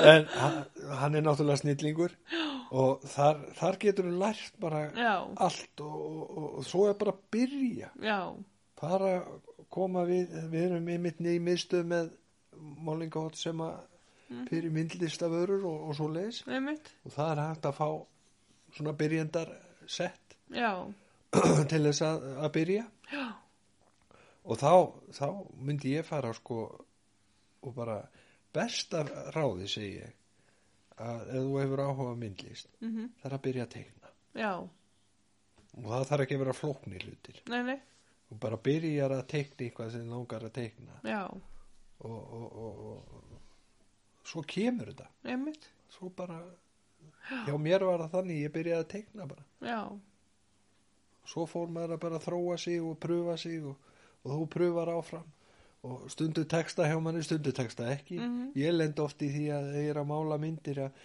hún er ekki eins og ég sá hana fyrir mér já, það, hún fer ekki alveg eins og ég ætlaði sko. einmitt, en, en hún kannski var allt í lægi Mm. hún, hún var kannski flott finnst öðrum já, já, en ég kannski sjálf en bara halda áfram, já, aldrei að stoppa bara ef þú hefur áhugan að gera það, já, láta vaða einmitt, því það er mín fyrsta sem ég, eða fyrsta sem ég segi við fólk það er bara láta vaða já, og byrja og ekki hætta og ekki gefa stup Já. og myndin lukkist ekki alltaf já, halda bara áfram, pröfa bara aftur já, það er bestar æfingi skapa mestara, segir einhvers þar einmitt, það er algjörlega. bara Mhm. í þessu eins og öðru Já.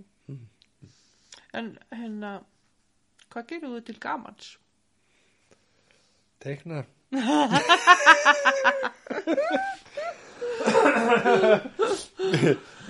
já ég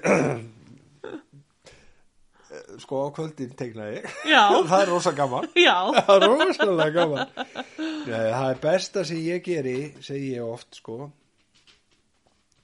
við erum rosalega samrýnd fjörskilda við Já. erum oft hugsaðum það Mhm. við bæði börnin og barnabörnin Mhm. og, og mér finnst rosalega gaman að vera bara með fjörskildin já, og ég er rosalega heimakær já, ég hef alltaf verið það Mér finnst bara voða gott að vera bara heima já, en það finnst líka fólkinu mínu Já. við erum mjög mikið saman og einmitt, mér finnst skemmtilegast að fara í ferðalög og svona með fólkinu mínu já, og við, ég kipti með fellihýsi fyrir tveimur árum Mm. og einmitt málaði versmannegar á hliðina já, og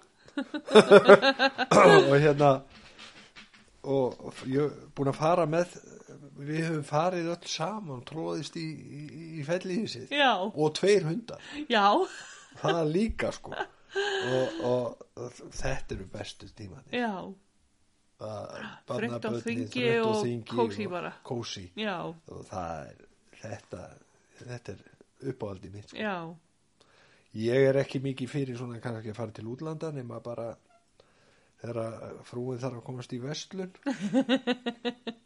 að vestla eitthvað Já. inn Nei, þannig að mitt, ég myndi vilja helst bara vera heima já, eða bara á Íslandi já, já, en, en, en, en eh, auðvitað er gott að fara út líka og kvíla sér þar já, maður þarf þess líka já, en ég myndi segja að það væri bara best að vera bara með fjölskyldunni Já. Það er, og ég teiknibókina. ger, já, tekningarna sko. og okkur finnst frúi vinnur náttúrulega, hún vinnur eins og geðsjunglingur sko. Mhm. -hmm. ég hef oft satt það sko.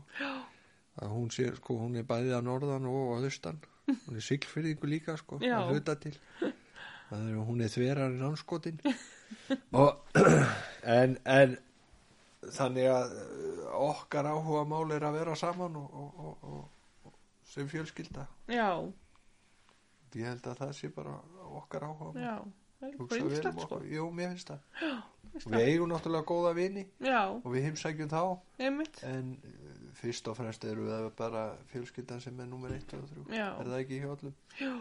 ég ætla að vona það. Já, ég vona það ha. En ertu prakkari? Já, ég myndi segja það ég væri nú svona áða til að vera svolítið stríðin sko. Já. Já, Og Hvað, heila, hvað er stæðsta prakkarastykki sem þú hefur gert? Stæsta Er það ekki prakkarastík þegar ég tók stólinn undan henni Jú, jú, jú. Er það ekki? Jú, jú, það er svolítið, Mér finnst það svolítið gróft sko Svo áttuðum að það til að brjóta rúður sko Það var hérna Ég gleymi það aldrei í sundinu hérna Það sem að LIP var með smíðavegstæð sem að að Gunni að selja er að stansetja já, þar voru rúður þar meðfram og ég man eftir því sem kra- peyja sko, þá voru við að reyna að stúta þeim sko. já, Jú, og svo var eitt prakkarastrik sem er náttúrulega maður, maður á eiginlega ekki að segja frá því láttu að koma. Og ég láta það var Það var Það er enginn að hlusta. Nei, það er enginn að hlusta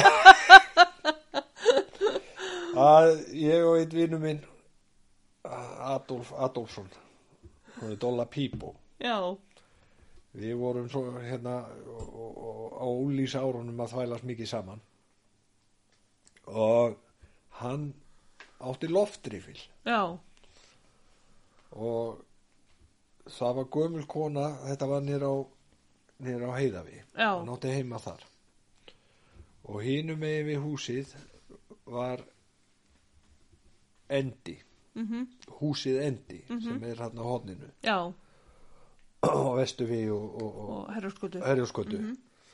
og efsti glukkin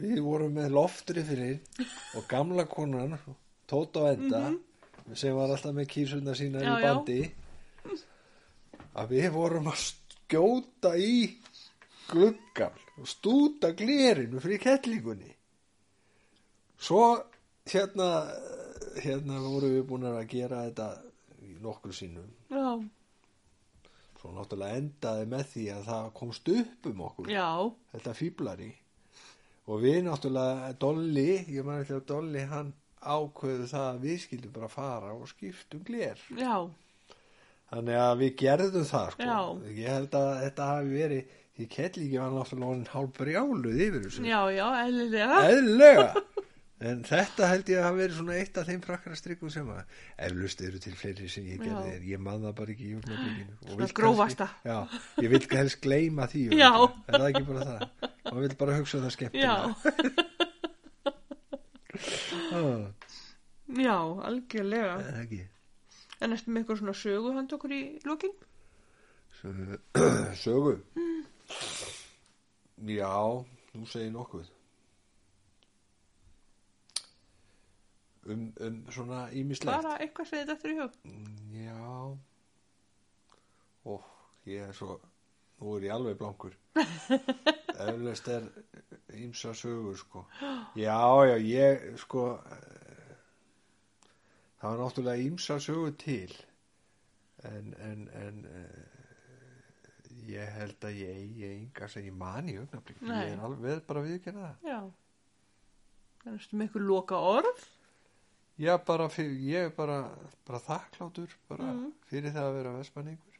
Ég er þakklátur bara fyrir eigarnar Mm. og fyrir okkur og fyrir fjölskylduna og vinnina. Mm Það er kannski það besta Já. og við erum bara við, Mm. njóta þess að vera við og við erum góð hvort hérna. Já, Það er ekki flók, bara flott. það er bara virkilega fallegt. Já. Bara takk kærlega fyrir að koma og aldrei að vita nema að ég pikki í þig aftur Ekki og nóg. hérna sjáu hvar þú stendur með bókina og svona. Já, bara sjálfsagt. Ha, Ég leifi þér að fylgjast með. þeim. spennandi. Mhm. Takk kærlega fyrir. Takk sem er leiðis. Nú fáum við að heyra um komu fyrsta bílsins til Vestmanneja. Þetta sögubrót er í bóði bókastar Vestmanneja. Hægt er að afla sér upplýsinga á heimaslóð.is. Pyrsti bæjarbílinn og hauskúpan á hverfiskautu 30-32. Það þóttu ekki svo lítil undur þegar að fyrsti bílinn kom hinga til eiga 18. júli 1918. Það var líka uppi fótur og fyt í bænum. Það barst eins og eldur í sinu að Eithor Kaupmaður Þórarinsson á eistri ottstöðum Árnarssonar var að fá bíl frá Reykjavík sem hann ætlaði að nota hér við flutninga. Fólk þaut því niður á bryggju til að sjá þessi undur. Þarna var hann í uppskipunabáknum, blóðrauður, helja mikill kassi með hjólum að framan og aftan. Þetta er nú meira báknið þessi mótorvagn, sögðu þeir sem aldrei höfðu sér bíl. Það var og satt. Hann var stór. Ég held ein eða ein og hálf smálesta, Maxwell vörubíl, breyður og sterklegur. Undir honum voru tvöföld hjólað aftan með mjög sterklegum gummiringjum en einföld hjólað framann að öllu grenri, en þó með gummiringjum. Engar slöngur voru á þessum hjólum, heldur heilt gummi. Eftir mikið brauk og erfiði tókst loks að koma bílnum úr bátnum upp á bryggjuna sem var þjætt skipuð forvinnu fólki. Bílstjóri kom með bílnum frá Reykjavík. Sá hétt Björgun Jóhansson. Þá var og með honum Oddger Þórarinsson bróðir Eithors. Hafði hann lært til bílstjóra og tekið próf í Reykjavík. Líklega hjá Björgun sem var einn af fyrstu bílstjórum landsins. Björgvin fór nú inn í bílhúsið, fór í engu óðslega, handleg stengur og takka, en svo allt í einu hvað við hinn mesti gauragangur, svo að fólk rökk í kút.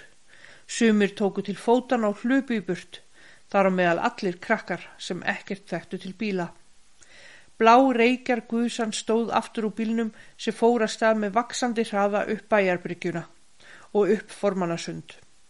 Þeir voru báðir inn í bílhúsinu, bílstjórarnir, og gættu umferðarnar sem best. Þarna komu krakkanir aftur og hlupu á eftir bílnum æpandi og grænjandi. Fólk stansaði á götunni, þaut síðan úr vegi döðskelkað. Aðrir komu í ósköpum út í húsagluggana er maksvellin fór framhjá til þess að sjá hvað væri um að vera og það glimti nærri að opna gluggana áður en það rauk höfuð út. Þeir Oddgeir notuðu flautuna óspart til þess að hrekja krakkana frá, en lítið stóðaði það. Má með sanni segja að allt væri á öðrum endanum í bænum af hávaða, tauga æsingi og forvitni. Bíllinn komst heilu og höldnu einn rúnd, en stansaði svo hjá vestlunin Skjálborg, sem er nú vestlunin Boston. Dægin eftir var besta veður, þá óg Oddgeir fólki upp að norðugarsliði og kostaði farið nokkra auðra, með minnir tíu auðra. Þetta þótti hinn besta skemmtan af ungum og gömlum. Stóð fólki í tróginu og fór allt vel, þrátt fyrir mikinn velding því að vegurinn var ekki sérlega góður. Umrættur kom þó ekki að tilætlu um nótum og allu því slæmir vegir og mjóir. Vegakerfi bæjarins var þá ekki mikið af vöxtum. Til dæmis var engin vegur upp að dölum, slæmur og mjög mjór upp fyrir raun og því verri inn í herjólstall. Aðeins um miðþorpi var hægt að aka og niður við höfnina, þegar að þurft var. Þess vegna seldi Eithor bílinn aftur til Reykjavíkur árið eftir. Fyrsti bílstjóri Vestmanneja var því Oddgeir Þórarinsson frá Oddstöðum. Tók hann próf 20. mæ 1918 í Reykjavík og óg umrættu Maxwell bíl fyrst. Síðar ók hann öðrum bílum og var slingur bílstjóri. Þótt svona tækist til um fyrsta bílinn hér var það þó spór í rétta átt og til þess að opna augum manna fyrir bættum skilirðum með nofkun bíla í innanbæjarflutningum. Menn sáu að allt myndi hafa gengið vel ef bíl þessi hefði verið minni og léttar í meðferðallri. Bílar gáttu spara mikla vinnu og erfiði ef hægt væri að samræma bíla og vegi. Þetta var svo til þess að árið 1919 í mæmániði stopnuðu nokkri menn sem voru fullir áhuga hlutafélagið Bifræðafélag Vespanea. Festu þeir kaupa á eins fjórða tons fordbíl í Reykjavík. Hann var óyfirbyggður og skildi smíða tróga á hann þegar að heim kemi. Bifræðafélagi riði svo Lárus Árnarsson að búastöðum bílstjóraefni og sendi hann til náms til Reykjavíkur sumarið 1919 skildi hann læra meðferð og akstur bíla á samt meðferð bifræðavila. Lærði hann hjá Jóni Sigmundsinni sem var vist lærður í Ameríku og fyrsti bifræðastjóri Íslands. Lárus tók próf í ágústmáni þá um sumarið og kann svo umgetnum fordara í 1-2 ár í eigum og þótti bílinn hinn mesta þarfaþing þótt lítill væri. Hann var léttur og góður í snúningum og fór því nær þá vegi sem hestvagat farið. Ekki er að efa að bíl þessi var til þess að 1920-21 fara bílar að koma í bæin og vegakerfið var bætt til mikill að muna. Hafa vörubílar komið hér að miklu gagni og létt feikna erfileikum af afmönnum og mállesingum. Urðu menn fyrst verulega vari við þetta eftir að vegir komu svo að segja um alla heimaði, sem um þetta leiti stóðu undir miklum ræktuna framkvæmdum. Mér dettur í hug í samband við ferði Lárusar til Reykjavíkur og nám hans þar að segja frá dvöl hans á nokkru leiti. Bifriðafélagi reð hann sem sagt til sín, þó gaf hann ekki kost á sér til þess að fara nema ég færi með honum. Þetta varð úr. Ég fór með og fylgdi honum eftir sem fyldar og aðstofumadur. Minni mig að félagi tæki einhver þátt í þeim kostnaði sem að förminni leiti. Þótti mér þetta sport mikið. Hafði ég aðeins einu sinni komið til Reykjavíkur. Það er árið 1915 en Lárus hafði þar aldrei komið. Þótt hann væri þá 23 ára gammal. Suðurferðin gekk vel og tíðinda lítið. Fengu við fæði hjá frængu okkar Kristínu Gísladóttur frá stakkagerði og manni hennar Bjarnar Sigvartsinni. Er þá bygguð að grundastík 11. Herbergi pengu við á hverfiskutu 30-32 hjá Guðmundi Jakobssoni hafnarverði. Föður þeirra bræðra Egger Skilvers, Þórarins fyrirleikara Guðmundssonar og Guðmundar Guðmundssonar. Það stóð svo heppilega á að Guðmundur var einhverstaðar út á landi og fengu við lestofu hans. Hann var þá við læknisnám. Fóreldra hans legði okkur þess vegna herbergi hans sem var upp á lofti í húsinu mót austri. Fyrir neðan gluggan var hús með flötu þaki. Þar var Jón Hermansson úrsmiður með vekstaði sitt og sölubúð. Var það hús áfast við hús Guðmundar Jakobssonar, svo að gerðan var hægt að fara þar út á þak, út um gluggan, hjá okkur. Við fórum svo að skoða herbergið og síndi húsmóðurinn okkur það. Herbergi var ágætt með tveim legubekkjum og vel búið að öðrum húsgögnum. Stór bókaskápur var þar sem frúin sagði að við mættum taka lesefni úr eftir vild. Á borðinu í miðju herbygginu var hlutur sem mér var ekkert gefið um. Það var höfukúpa manns, stór og mikil sem starði þarna á okkur galtómum augn, augnatóftunum. Heil var hún að öllu og tennunar allar stórar og mjalla kvítar. Mér varð hreint ekki um sel að sjá hauskúpuna þarna á borðinu. Hefur frúin sennilega séð á mér að mér var ekki sama um kúpuna. Hún spurði mjög sakleisislega hvort okkur væri annars ekki sama þótt þessi gamla hauskúpa stæði þarna á borðinu. Sagði hún að sér væri illa við að hreyfa mikið við dótinu hans mumma eða fara með það inn í annað herbergi. Ég veit ekki hvað Lárus hugsaði, en ég var fyrir svörum og sagði að okkur væri alveg sama þótt hú- hauskúpan stæði þarna. Jú, ég var svo sem nógu mannalegur. Herbergið tókum við á leigu og skildum borga 15 krónur á mánuði auk morgunkaffis. Ég var fegin þegar að leigusamningurinn okkar var gerðir og ég komst út úr herbygginu út af hverfiskutuna. Því olli vafalaust hauskúpan hans mumma. Ég hálkveið fyrir um kvöldi að fara þangað heima að sofa en lét þó á engu bera. Lárus bar sig svo mannalega að ég hlaut að gera það líka. Þegar upp í herbyggi kom var þar allt með kyrrum kjörum og hauskupan starði á okkur af borðinu. Ég reyndi að láta mér það í léttu rúmi liggja þetta dauða augnar á hennar og reyndi að horfa sem mest framhjá henni en það gekk hálf illa. Það var engu líkara en að hún neytti mig til þess að glápa á sig. Við fórum svo að hátta. Á meðan reyndi ég að hafa fram í prakkarastrygg gagvart Lárusi. Það var að reyna að snúa hauskúpunni þannig að hún sneri hnakkanum að mér, en það tókst ekki. Ég skreittist því upp á dífaninn, tók bók úr bókaskapnum og ætlaði að lesa mitt í svefn. Bókin var þá um læknisfræðileg efni og í henni fullt af myndum af beinagrindum og slíku góðgæti. Ég let hana því strax í skápin aftur, breytti upp fyrir höfuð og reyndi að sopna, meðan ég vissi að Lárust var í- vakandi. Ég var bullsveittur í rúminu, en loks sopnaði ég, þrátt fyrir augnaráð hauskupunar, ef ég gæðist undar senginni. Mér dreymdi um dauða menn og hauskupur sem sóttu að mér úr öllum áttum, skemmtilegt það. Klukkan sex vaknaði ég í albjörtu og var þá öll hræðsla mín horfin. Ég fór því fram úr, opnaði gluggan, það var besta veður, en Lárus svaf enn. Mér var þá litið niður á flata þakið og brá heldur en ekki, er ég leit þar rétt við gluggan, stóran trékassa, hann var opinn, þar gaf á líta á alls konar mannabein, lærleggi, rifbein og eina stóra hauskúpu, engu minna en þá sem að inn á borðinu stóð. Ég segi ykkur satt að ég var fljótur að loka glugganum, flýja upp á dífaninn og breyða sængina upp fyrir höfuð. Ekki var um frekari söfn að ræða. Mér leið hálf illa innan um þessi leikfungans mumma. Ef ég gegðist undan sænginni starði hauskúpan á mig að borðinu og fannst mér stundum eins og hún hreyfa sig og opna skoltin og jafla saman tangurðunum.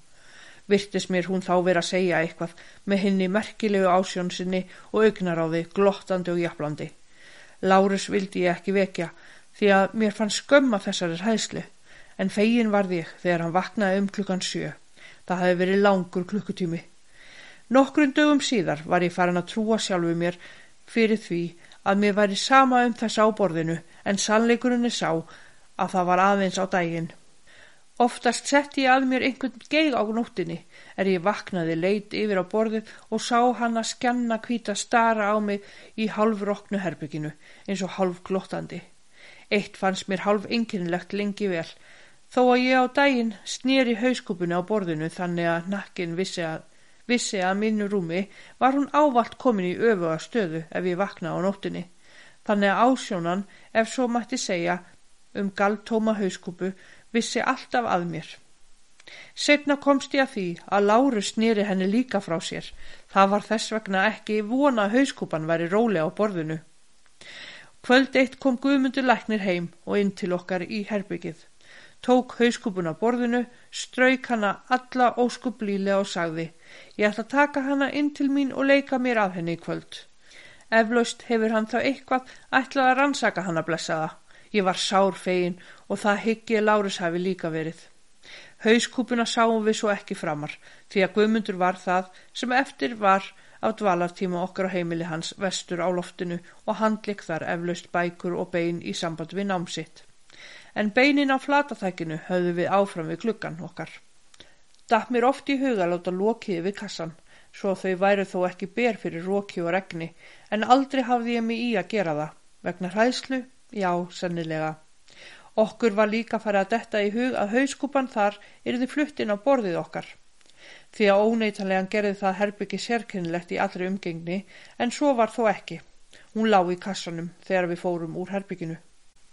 Ég var fegin þegar að Lárus tók prófi hjá Jóni Sigmundsinni og við fórum heim því að einhvern veginn leið mér hálf illa þarna á hverfiskutunni þrátt fyrir það að fólki var okkur sérlega vinnveitt og gott en það voru mannsbeinin þessi sérstæðu leikfeng hans guðmundalæknis sem settu mig úr öllu jafnvægi þó voru þetta aðeins bein frá lönguleginum tímum bein sennilega alveg eins og í mér sjálfum aðeins bein frásögn Árna Árnasonar frá grund